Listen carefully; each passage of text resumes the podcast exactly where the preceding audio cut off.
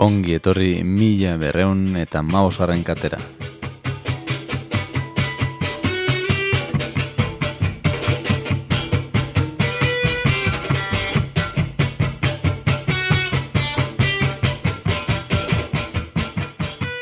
Kakain zona irratian zaude, laro eta mezortzi FM-an edo kakainzona.eus atarian.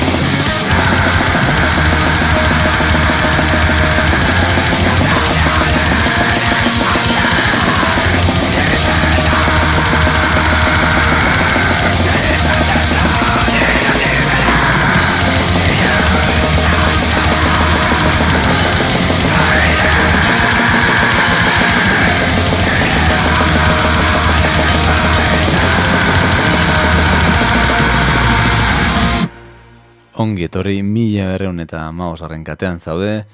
eta entzun berri duguna numen arrasateko taldearen iluntasuna soilik izeneko kantua da. Arrasatetik, bai, ondo entzun duzue, numen, e, ba, mila laro eta mazazpitik, black metala jorratzen ari baita Euskal Herrian eta Euskaraz, eta ba, iluntasuna soilik izeneko kantu hau, ba, 2008an, argitaratu duten iluntasuna besarkatu nuen betiko lanetik e, atera dugu. Eta bueno, gaurko honetan guk ere ba, iluntasuna besarkatuko dugu, ez betiko, baina bai ordu bat ez behintzat. Izan ere, ba bueno, buruari egiten egon naiz, ea pasade berri den amarkadari saio bat eskaini edo ez. Eta, bueno, ez, ez egitea erabaki dudan arren, mm, bai aitzake hori irauleko dudala, ba, nire ustez, eta, bueno, neko erargian esango nuke, ba, azken amarkadan, ez soik azken amarkadan, baina, bueno, azken urteetan, ba, musika iunean, metal iunean, e, black metalan, e, death, drone, e, doom, eta antzekoetan, ba, gauza interesgarri asko gertatu direlako, generoiek deseraiki dira eta mutazio berriak sortu dira, eta bai iruditzen zaidala, ba, azken ba, markadan adibidez, e, gertatu den zerbait dela, eta askotan ba, ez dela hortaz gehiegi hitz egin, eta ba, uste dut, ba, nabarmentzeko moduko hainbat disko eta kantu e, utzi dizkigutela alako taldeek. Eta, bueno, ba, hori egingo dugu jaramon pixka bat, ba, gaurko saio honetan. Badakit e, genero hauek batzuei e, atzeraka da handia eragiten e, diela, beste batzuei aldiz e, malderantziz, ba, izugarrizko ba, erakarmena dute doinu hauek beste askorentzat. Mm, bueno, mm, zaleak zareten hoi seguraski ez dizuet gauza hundirik e, deskubrituko, e, baina, bueno, agian gustoko izango duzu saioa eta beste hoi eskatuko nizueke, ba, bueno, saiakera bat egiteko, usteko aurreritziak alde batera, eta ba, musika honek inguruan izan aldituen beste hainbat kontu izaten dira askotan batzera eragiten dutenak, ba, izan simbologiak eta ba, parafernalia ba, hainbat, gero itzen dugu horren inguruan, Baina, bueno, esan bezala, musikalki gauza benetan interesgarriak utzi dizkigute ez naiz zentratuko black metalean soilik, baina nolabait, ba, iluntasuna besarkatzen duten e, taldeek. Eta bueno, e, itzien dugu pixka bat ere aurrerago, baina gaurkoan abesti mm, ez gehiegi, baina bai luze xamarrak entzungo ditugu. Eta lehena frantziatik datorkigun talde batena izango da, aluk todolo izeneko arena. 2000 eta mabian e, okult rock izeneko diska, bueno, mastodontikoa klaratu zuten,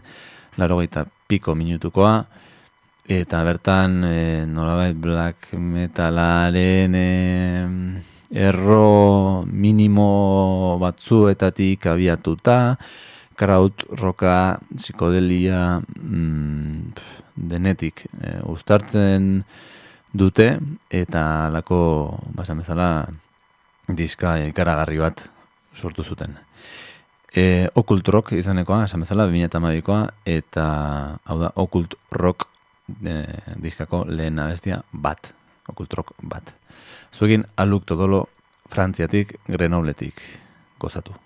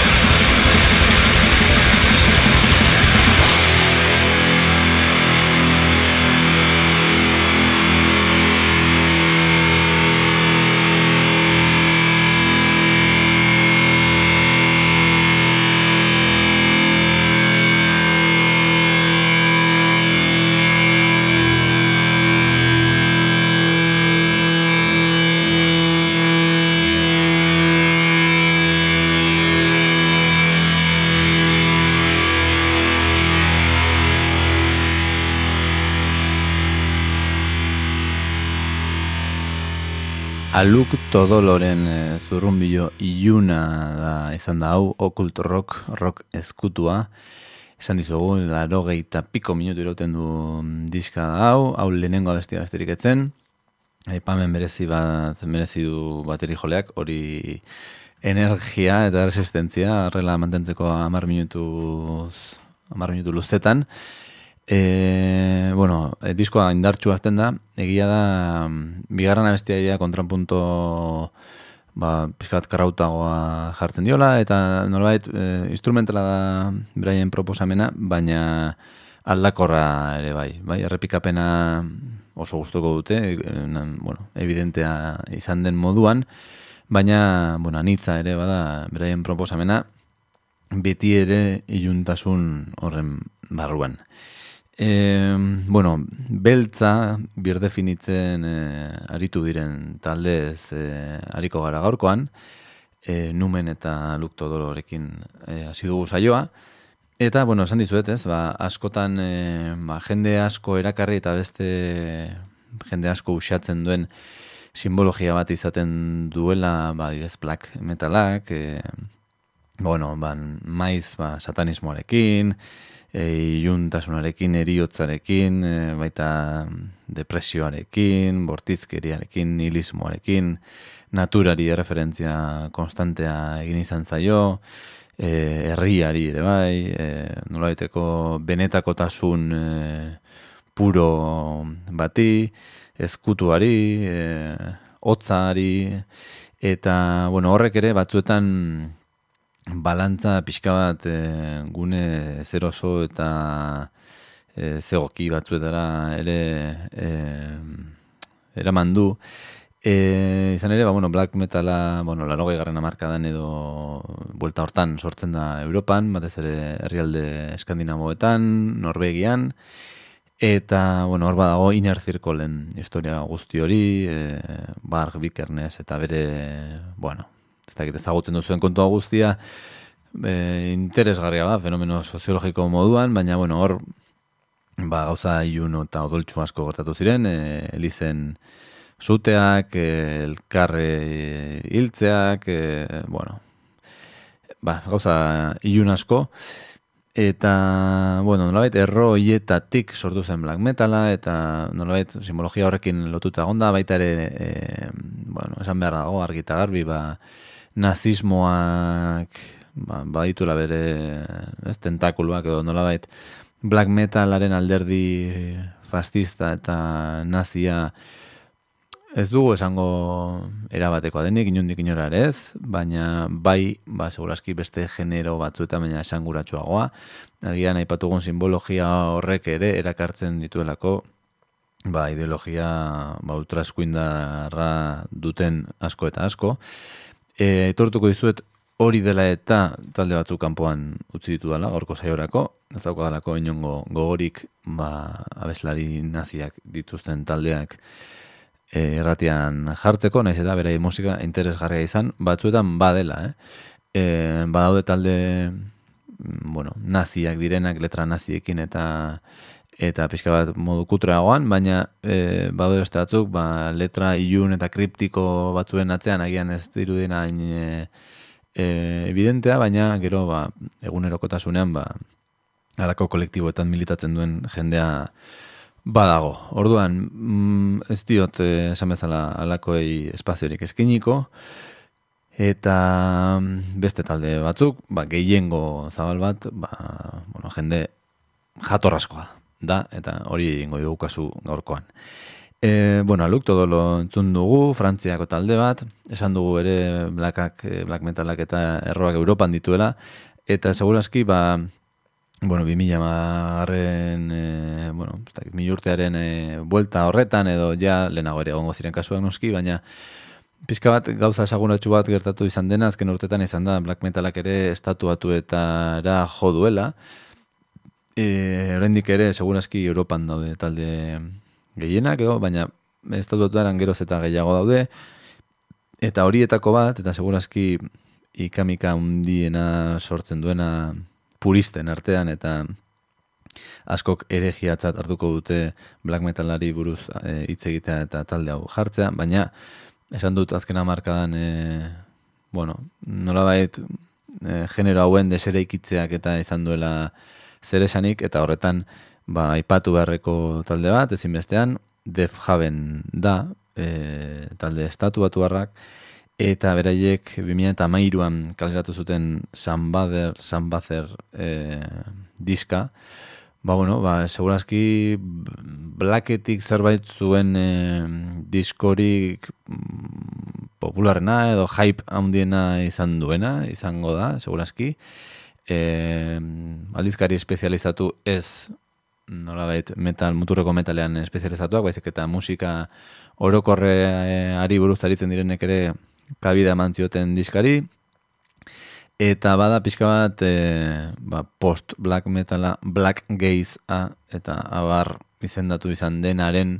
ba, talderik referentziazkoena ba, beste alzest eta beste batzuekin batera. Eta hauek, ba, bueno, ba, 2000 garren amarkadan ba, post metalak izan zuen e, gaientasunaren ondorio, edo hortik edaten zuten, postroketik, showgazeetik eta black iturritik ere bai. Bueno,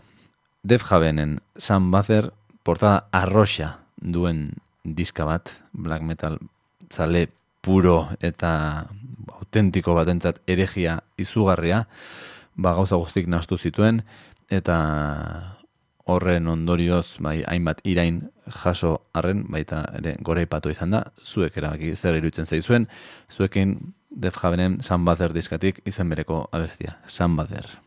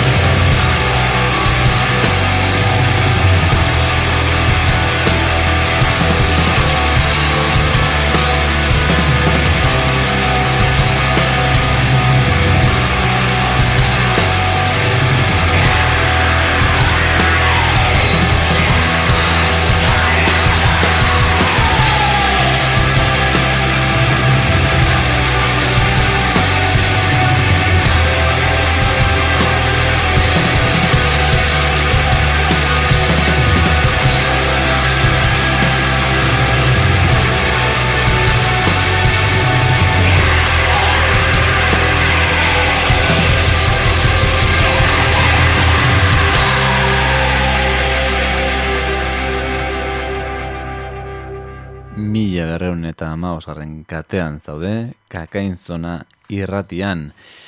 Argi pixka bat e, sartzen e, utzi diogu, ba, eraikitzen ari garen e, zulo ilun eta sakon honetan, def jaben izan dira hauek, def jaben, e, San Franciscotik, San Francisco eguzkitzutik, e, bueno, somatuko zenuten, ba daude black metal elementuak, ba daude post metalaren e, nola baite pika eta bueno, progresio hori post rock e, zantzuak eta eta abar. E, azken finean, ba, bueno, Def Heaven eta beste hainbat taldek egiten dutena, ba, gaur egungo jolastoki postmoderno honetan, ba, musika ezberdinetako elementuak hartu eta nastea besterik ez da. Eta noski, ba, hori ba, blackaren puristei ba, eta gehiagik gustatzen. E, bueno, black metala izan edo ez, bosta xola, gustatu bat zaizue, ba, bueno, ba, dituzte hainbat diska DFG-ben Amerikarrek, eta, bueno, ba, ipatu beharreko talde bat dudari gabe. E, gatozen Europara berriz ere, Eskandinaviara, ba, bueno, doinu hauen eta jaioterrira Finlandiara egingo dugu, izan ere, ba, 2000 eta maseian, e, beste diska honetan esanguratsu bat e, argitaratu zen, ba, nolabait hori, ba, elementu ilun hauekin gauza berriak ere egitzen e, ari tu izan diren talde dagokionez, oranzi pazuzu izeneko taldea benetan aipatu beharrekoa da, e, Finlandiarra, esan bezala, Tamperekoa eta Finlandiarra ezkantatzen dute. E, eta Balatelia izeneko diska bat kalatu zen 2006an, benetan txundigarria, iluna, ez gust, bueno, argi pixka bat ere sartzen uzten diote, mm, bauzka black zantzuak, ez da black metal disko bat, baina psikodelia asko dago nasketa honetan eta bueno, takit, tripak eta burua irabiatzen dizun musika bat da. Ez da lukto dolaren minimalismoa, baizik eta gehiago da zerbait espaziala. Ea, zer irutzen zaizuen, oranzi pazuzuk proposatzen duen bidaia. Entzungo duguna, jabulu izeneko abestia.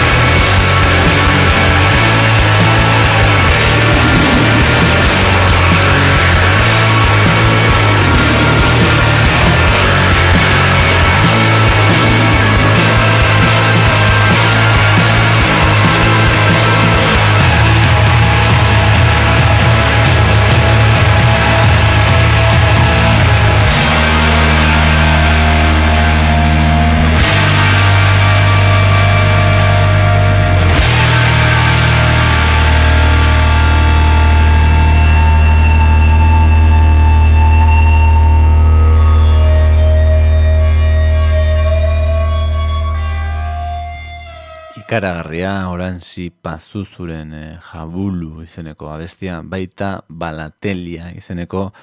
diska osoa ere, ba, azken amar urteotan argitaratu den metal diskarik interesgarrienetako bat, ez bairi gabe, esperientzia fisikoa kasi eta ikaragarria dio danean, ba, zentzu literalean da, e, beldurra kasi ematen du abesti honek, eta ba, gaitasun hori ere, ba, bueno, benetan epagarria da, eta ez du edo nork e, lortzen, ze kontua ez da, Horpegia zuriz pintatzea eta odolari buruz mintzatzea, hori baina zailagoa da, lako sentsazioak e, sortzea eta oran pazuzu, ba, benetan maixu dira. E, bueno, bagoaz aurrera, abesti luzeak direnez, ez ditut asko jarri, baina luzeak direnez, ba, denbora ari zegu joaten. E, agian ondo atorgizu ere nik pixka bat hitz egitera arna, hitz egitea arnaz pixka bat hartzeko, ze benetan abesti indartsuak eta intentsitate handikoak dira. Ba, zer ez oitu, ze urrengoa ere, benetan zuzena, indartsua eta gupida gabea da. Finlandiatik Euskal Herriera gatoz, Bilbora, eta, bon, azken aldian, e, zer esan ematen ari den talde bada, ba, muturreko metalaren e, munduan, zaila izaten da gainazalera ateratzea alako taldeak, eta seguraski, ba, bueno, mm, mundu horretatik kanpo dagoen jendeak askotan ez ditu ezagutzen, baina, Altara, Altarage, edo, bai, Altarage, e, izeneko taldea egiten ari dena, ba, bueno, diskoz disko, ba, erekitzen ari dira bere mundua, ez da black metal talde bat, black metal zantzu batuk izan alditu, death metal lagoa da, bera egiten dutena, e, benetan indartsua, teknikoa, baina ez da erakustaldi soil bat, atmosferak ere badute beraien garantzia, ritmo aldaketek eta bar, eta oso musika beratxa egiten dute. E, aurten argitaratu, bueno, aurten mi eta meretzien argitaratu zuten The Approaching Roar izeneko e, diska, E, eta bueno, ez dut epatu, baina oikoa da, lehen esan dudan bezala, orpegia txuriz eta, eta eta lako parafernalia odoltxu eta, eta ikasi paganoak eta black metalean oso dira. E, baina bai Def Heaven eta Def Heaven eta e, Orange Pazuzuk ez dutela lakorik egiten, agian ba, beraien proposamena pixka taldentzen dela kortik. Altaratxek, e, bai nolaiteko kaputxa batean, e, kaputxa batekin estaltzen dute beraien burua, eta ez dute beraien e, bueno, identidadea edo azaleratzen, ba, nolabait beraien e, nortasuna ba, laino beltz horrek irentziko balu bezala, bada ohikoa baita ere mundu honetan olako gauzak egitea, eta altara itxek e, alakorik egiten du. Goazen e, gaurko e, estandarretarako abesti labur bat entzutera knowledge izenekoa, baina prest ez baita edo nolako abestia. Zuekin altarich.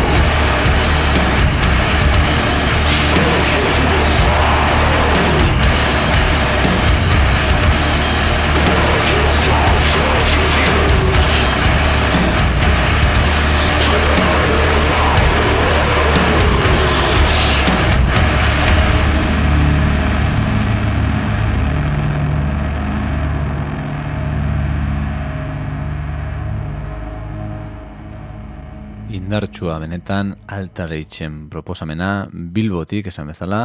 The Approaching Roar izeneko e, diska kaleratu zuten lehengo urtean 2008an Honen beste zamaitzeari ekin behar diogu, hau izan da, ba bueno, bizka bat e, beltzean e, sakon du nahian osatu dugun e, saioa, eta, bueno, e, esan dizuet, e, altaretxek nolabaiteko kaputxa batzuk eta erabiltzen dituela, Eta jarraian e, amaitzeko entzongo dugun taldeak ere egiten du alakorik e, estatu batutara joko dugu berriro, alden du gaitezen pixka bat e, bai black metaletik, bai death metaletik, eta guazen murgiltzera drone metalean, eta horretarako ba, drone metalaren erregeak entzongo ditugu, talderik esanguratsuena, talde bueno, referentziala onerako eta txarrerako. E, zale sutsuak ditu baita ere ba, bueno, ba, minongo interesik ikusten e, ez diona ere badago. Izan ere sun taldeak egiten duena oso berezia da bakarra da eta bueno, esan genezake nolabait ezerezean e, sakontzen duen e, talde bat dela. E, Earth, ba, txonetan asko miresten dugun taldearen e, bertsioak egiten edo nolabait omenaldi gisa sortu zen. Earth da nolabait drum metalaren e, sortzaia, baina beraien proposamenetik e, nolabait muturrera eraman zuten Earthen ideia hori eta